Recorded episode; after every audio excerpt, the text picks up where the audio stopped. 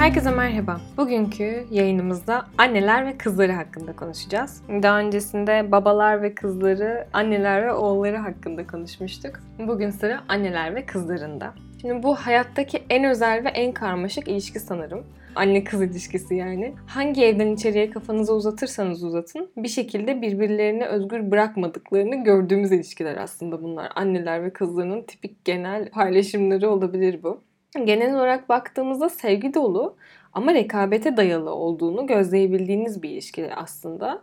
Dolayısıyla bu tür zorluklar ve hani bir takım rekabetler, çatışmalar aslında tabii kız erkek fark etmeksizin yaşanan iki yaş dönemindeki ayrışmadan başlıyor. O yüzden ben de süreci oradan anlatmaya başlayacağım. Şimdi o iki yaşlar civarında artık anneden bağımsız bir şeyler yapma vakti geliyor. Çocuk dünyaya açılıyor. Daha önce de konuştuğumuz gibi.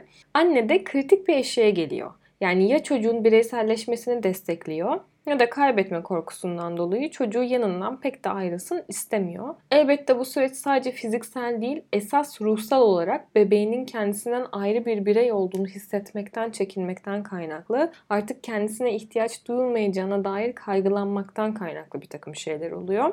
Dolayısıyla anne kaygılandıkça, anne çocuğu ondan ayrılmasın istedikçe çocuk bunu hissediyor ve annesine karşı suçluluk duyuyor. Yani tam kendisi için bir şeyler yapacakken geri dönüyor. Koştura koştura annesine. Ama bir taraftan da dünya aklında yani çok coşkulu. Ve bu çelişki eğer o dönemde çözülemezse kız çocukları anne ve anne türevleriyle bu yakınlık uzaklık meselesinde çatışma halinde kalıyor.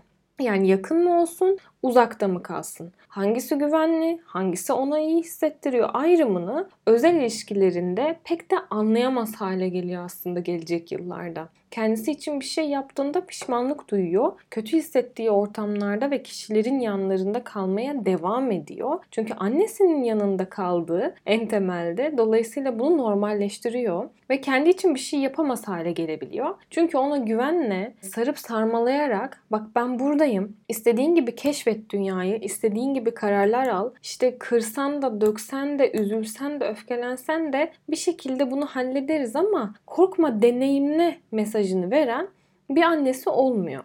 Dolayısıyla aslında donup kalıyor. Gitsin mi kalsın mı ve hayatı bu çelişki içerisinde sürebiliyor. Özellikle de yakın ilişkilerinde tabii sonrasında ve hani bir partneri olduğu zaman bu kalma gitme mevzusu, iyi hissedip hissetmeme mevzusu epey can yakar bir hale geliyor. Sonra bir kritik evreye daha geliniyor. Bu ödipal evre yani yaklaşık 3 ve 6 yaş arasındaki dönemi kastediyorum. Bu dönemde kız çocukları babalarına daha çok yakınlaşmaya başlıyor. Aslında bu karşılıklı bir durum haline geliyor. Tabii kız çocuğu yaklaştıkça baba da eğer bundan beslenen bir haldeyse baba da ona daha çok yaklaşıyor. Yani tam o baba kız aşkının en çok kabardığı dönem aslında bu. Tabi bu elbette bir aşk değil. Çocuğun cinsel kimliğini belirlediği, karşı cinsle ilişki kurmayı öğrendiği ve rekabet duygusunu anneyle tattığı bir dönem. E, ve henüz zaten anne baba arasında özel bir ilişki olduğunu anlayamadığı için aslında o babanın gözünde biricik olma isteğiyle kız bu yakınlaşmayı sürdürüyor. Ve bu dönemde kız çocuğu babayla daha çok vakit geçirmek isteyebiliyor. Anneyi zaman zaman reddedebiliyor. İşte anne baba arasında böyle el ele tutuşurken hayır tutuşmayın diye girebiliyor aslında içten içe tabii bir rekabet besliyor annesine karşı da. Şimdi bu çok yaşaması doğal bir durum. Çocuğun bir dönemi, geçici bir dönemi ama nasıl bir geçici dönem? Eğer anne yumuşak bir şekilde bu dönemi göğüsleyemezse, rekabeti güçlendirici davranış ve tutumlarda bulunursa ve kendi içsel sürecinde iyi hissetmezse ve bunu hissettirirse çocuğuna tabii kız çocuğunun hayat boyu hem cinsleriyle yaşayacağı çatışmanın temelleri atılıyor bu dönemde anne istemsizce çocuğu kışkırttığında yani işte hayır o e, benim eşim ben onunla evliyim diye söz gelimi mesela böyle aralara girdiğinde özellikle işte böyle kendisinden uzaklaştığını hissettiğinde babaya yaklaştığı dönemler küstüğünde kızdığında iyi hissetmediğinde tabii bunu beslemiş oluyor. Yani ideal şekilde anne kız vakitlerini çok fazla belki arttırması gerekirken bunu yapmıyorsa, anne baba sevgilerini birbirlerine işte özel olduklarını, aslında aralarında bir eş ilişkileri olduğunu tatlı tatlı böyle çocuğa uygun şekilde hissettirmiyorsa, anneler böyle bir sarsılmaya başlıyor kendileri de rekabet etmeye başlıyor. E, ve babalar da bu dönemde tabii ki işte aşkım kızım ben de seninle evleneceğim. Benim dünyamda bir tek sen varsın gibi mesajlarda bulunup hem kızı hem de eşlerini kışkırttıklarında bu iyice bir kaos haline gelebiliyor. Bir taraftan anne kızını merak ettiği, cinsiyetine özgü şeylerde de tabii bu dönemde desteklememeye de başlayabilir bu yüzden. Nedir bunlar? Örneğin işte kız çocuğunun oyunlarında kadınsılığa özgü böyle kıyafetler giymek istediği dönemler olabiliyor. 3-6 yaş döneminde. Topuklu ayakkabılar giymek isteyebiliyor. Annesinin eşyalarını denemek istiyor. Makyaj yapmak istiyor. Böylelikle çevresinde kendisine yakın olan aslında kadın figürlerini yani çok temelde anneyi taklit etmeye başlıyor. Ve orada aslında bir şey öğrenmeye başlıyor. Kimliğiyle ilgili, annelikle ilgili, işte dişilikle ilgili aslında. Bunların temelleri atılıyor. Fakat anne işte hem o rekabet duygusuyla hem de kendi içinde aşamadığı şeylerle engellemeye başlarsa çocuğu çok katı bir şekilde özellikle bir süre sonra çocuk bunlardan suçluluk duymaya ve endişelenmeye başlıyor. E, tüm bu olumsuz duyguları bilinç dışında ergenlik dönemine ve yaşamından sonraki süreçlere taşıyor. Ama anne bu dönemde kızına bu alanı tanırsa, bu keşfetmek istediği dönemi, onu bilgilendirirse, ona kendine uygun şekilde destekleyici bir şekilde yönlendirirse, işte böyle güzel giysiler giymek istiyorsa onları giydirip bakım yaptığında ona uygun şekilde destekleyip, işte saçlarını tarayıp böyle güzel güzel e, hani örüp o dönemin aslında onun için e, kız çocuğu için çok böyle ütopik bir halden çıkartıp kendi yaşına uygun şekilde bunu desteklediğinde bu çok sağlıklı olan ve işte orada rekabet duygusu aslında çok da fazla deşilmemiş oluyor.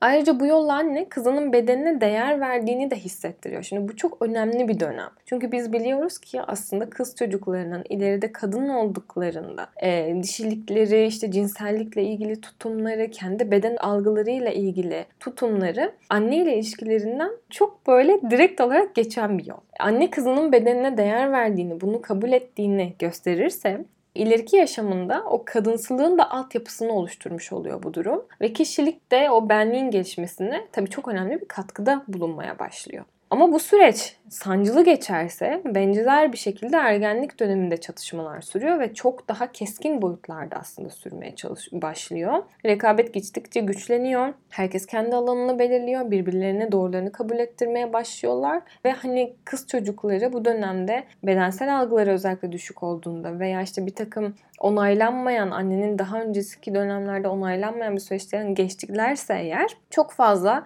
o merakını kendi başlarına daha tehlikeli alanlarda farklı kaynaklardan bilgiler öğrenerek de hem o dişiliği yerine getirmeye çalışıyorlar veya tamamen o dişilikten uzak kalıp böyle geçirmeye çalışıyorlar bu dönemi. Her iki noktada da aslında biraz sıkıntılar oluyor. Şimdi anne kız ilişkisinin özellikle bedensel algıda yerinin çok büyük olduğunu tekrar vurgulamak istiyorum. Bununla ilgili Mahir Yeşildal özellikle mesela anoreksiya ile ilgili de bir şey söylüyor. Bunu ben sizinle paylaşmak istiyorum. Anoreksiya vakalarının şu an gittikçe aslında arttığını söylüyor Yeşildal. Genellikle bu bu durumun daha doğrusu ergenlik döneminde başladığını, bu durumun 12 ile 25-30 yaş arasında çok daha kadınlarda keskin bir şekilde görüldüğünü biz görüyoruz. Elbette ki biyolojik sebepler de var bununla ilgili altyapısında yapılan araştırmalar var ama en önemli yaklaşım anoreksiyada mesela kişinin annesiyle yaşamış olduğu sıkıntı ve çatışmalarda sağlıklı savunma mekanizmaları olmadığı için bu durumlarla baş edememesi ve buna bağlı aslında bedensel bir narsistik yatırım yapmasından kaynaklanıyor. Yani kendi bedenini mükemmelleştirmeye çalışıyor. Anneden onay alamadıkça anne işte bu bedensel tutumları işte dişilikle ilgili şeyleri ütopik hale getirdikçe bir şekilde kız çocukları mükemmel olamıyorsam en azından bedenimi kontrol edebilirim gibi bir altyapıya girebiliyorlar. Bu çok temelde çocukluk çağında az önce bahsettiğimiz 3-6 yaş arasında anne ile olan ilişkisel problemlerden özellikle bağlanma probleminden tabii kaynaklanan şeyler. Bir taraftan da anne için kız çocuğu tabii çok değerli ve kendi hayallerini, umutlarını, hayal kırıklıklarını kızı üzerinden yaşaması çok mümkün bir durumda olabiliyor. Dolayısıyla işte bu beden algısı, işte mükemmel olmak, iyi olmak, onaylamak, reddetmek gibi şeyler aslında gerçekten bir kız çocuğunun e, hayatını bambaşka bir hale sürükleyebiliyor. Şimdi şöyle toparlarsak aslında tüm bu anlattıklarımı. Birkaç tane anne modeli var çok böyle bahsettiğimiz, sürekli konuştuğumuz. Mesela birincisi arkadaş anne. Arkadaş anne de anne o kadar gerçekten arkadaş gibi davranıyor ki kız çocuğu bir süre sonra o hay- bazı hayatta kalma becerilerini öğrenemiyor aslında annesinden. Çünkü anne yetişkin olarak deneyim paylaşmıyor. Yönlendirici dokunuşlarda bulunmuyor. Hatta bazen bu ilişkiler çok yakın, eğlenceli gibi görünebilir. Ama olumsuz duyguları göstermekte zorlanan bir anne e, veya işte çocuğuna gerekli noktalarda cinselliği anlatan, bedensel olarak onu onaylayan bir yerde olmayan bir anne, kızının karşısında onun gibi ergenlik çağında gibi davranan bir anne aslında kızında çok büyük bir boşluk hissi bırakıyor tabii ki. Ve kız belirli bir noktada özellikle işte bu dişiliği, anneliği, çift ilişkisinde kadının rolünü annesinden öğrenmesi gerekirken öğrenemediğinde çok eksik donanımlarla hayata devam ediyor ve çoğu zaman nasıl başaracağını, yapacağını bilemediği bir noktada olabiliyor ilişkilerinde. Şimdi diğer bir anne modeli otoriter anne. Otoriter anneler tabii çok böyle daha proje çocuklar yetiştiren, mükemmelliyetçi bir tavırda olan, kızı ne yaparsa yapsın tam olarak onu beğenmeyen, e, burada özellikle işte kızı diye vurguluyorum. Şu an kız çocuklarından bahsettiğimiz için. Böyle bir noktada kız çocuğu işte onaylandığını hissetmediğinde, annesinin sadece isteklerini yaptığında veya onaylandığında hayata boyunca da ona yarar bir versiyonda oluyor. Yani partnerlerinle hep onay almak için belki isteklerinden vazgeçiyor. Hayatına annesinin beklentileri ve özellikle istekleri doğrultusunda gitmesi gerektiğini hissediyor kendisi gibi olamıyor. Yani neyse doğru aslında bu toplumsal baskı dediğimiz tırnak içerisinde genellikle annelerin düşündüğü şeyler olabiliyor. İşte o, ve bu genellikle partner ilişkilerimizde çok ortaya çıkar. Mesela işte ilk cinsel deneyimler, evlilikteki yaşantılar, evlilik öncesi yaşantılar tüm bunlar aslında annenin içsel olarak yüklediği kızına şeylerle çok ilişkilidir. Anne neyi onaylıyor, neyi onaylamıyor.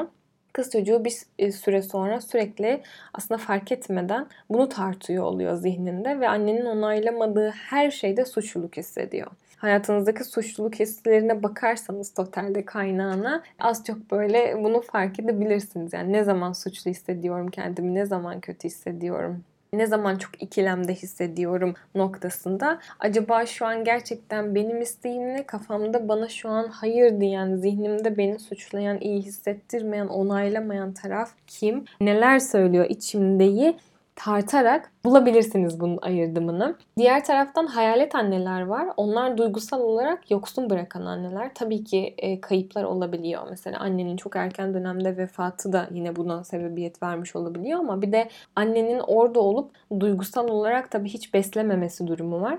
Bu kişiler duygusal boşlukta büyüyorlar ve o boşluğu doldurmak için o kadar büyük bir boşluk ki tabii yani hani sevildiğini hissedemiyorsun o boşlukta. Onay aldığını hissedemiyorsun o boşlukta. Başarılı olduğunu hissedemiyorsun o boşlukta. Yeterli olduğunu hissedemiyorsun o boşlukta. İyi mi yaptın, kötü mü yaptın, iyi misin, güzel misin, her şey yolunda mı? Bunun hiçbir geri dönüşü olmadığında bilemiyorsun nasıl gidiyorsun ve savruluyorsun. Ee, böyle bir durumda da tabii güvenecek, sana onay verecek, seni yönlendirecek birini arıyorsun. Kendine de güvenin olmuyor ve karşındakinin ne zaman ne vereceğini bilemez bir halde ona bağlı şekilde biraz hayatı yaşamaya çalışıyorsun. Veya kendin de zaten o duyguları veremiyorsun ve hissedemiyorsun. Yani daha da fenası. O yüzden yine tabii burada kendi anneliğinde bir takım e, sıkıntılar yaşayabiliyorsun. Kendi partner ilişkilerinde bir takım sıkıntılar yaşayabiliyorsun.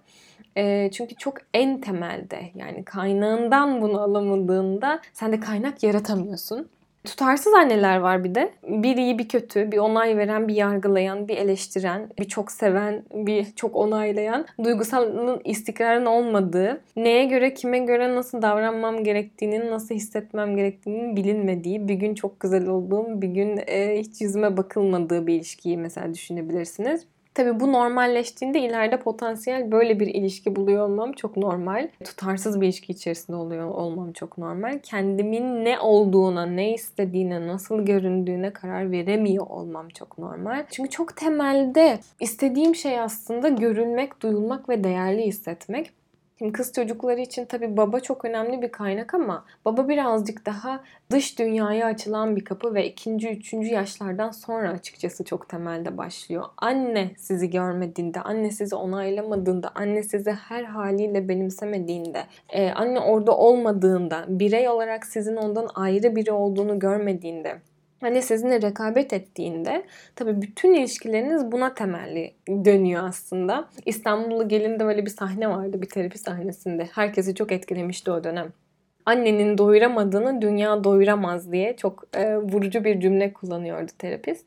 Tam olarak öyle aslında. Annenin görmediğini kimse görmeyecek gibi hissediyorsunuz. Annenin değerli hissettirmediğini kimse değerli hissettiremeyecek gibi hissediyorsunuz. Dolayısıyla hep o kurgu üzerine oluyor bütün ilişkiler. Yani ben zaten orada bile bunu yaşamadım ki burada ne yaşayayım gibi bir bilinç dışı e, yargıyla seçtiğiniz kişiler de size aynı şeyleri hissettiren kişiler oluyor. Partnerlerinize bakın özellikle kız çocuklarında hep şey derler ya babası gibi birini seçmek işte o baba problemleriyle babaya yatkın birini buluruz gibi. Aslında daha çok anneye benzer kişiler de buluruz. Anneyle çözemediğimiz bir şey varsa partnerlerimizle onu o kadar bariz bir şekilde yaşarız ki yani bunu görmek çok mümkündür. Dolayısıyla bir annenin kızını onaylaması, sevgisini göstermesi, onunla rekabet etmiyor oluşu, kendi yaşayamadıkları üzerine onunla bir ilişki kurmuyor oluşu, e, onun özgünlüğüne, onun e, hayallerine onun istek ve düşüncelerine imkan ve olanak veriyor oluşu. E tabii ki kızını için en büyük hediyedir diye tahmin ediyorum. Çok zor bir şey bu arada. Yani bunları anlatırken tabii böyle anneleri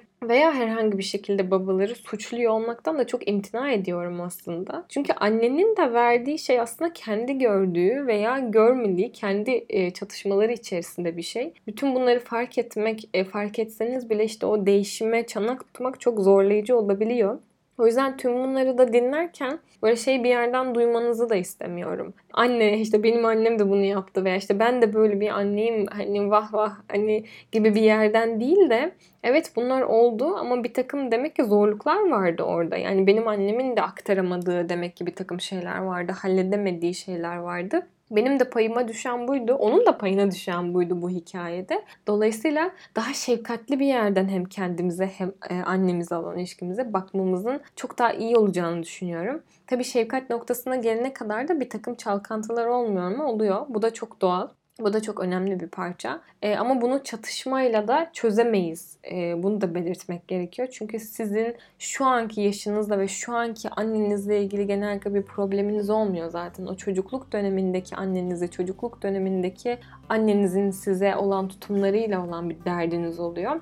O yüzden de bugün hiddetle, bugün öfkeyle bunu çözemeyiz. E, aksine e, sakin e, bir yerden bakarak, anlayarak, yavaş yavaş e, iyileşme fırsatım varsa ve karşımda anlayan biri varsa evet konuşarak, ha, yoksa da bunu kendi içimde zaman zaman belki köpürerek, zaman zaman belki yatışarak, biraz da zaman vererek çözmeye olanak tanıyabilirim.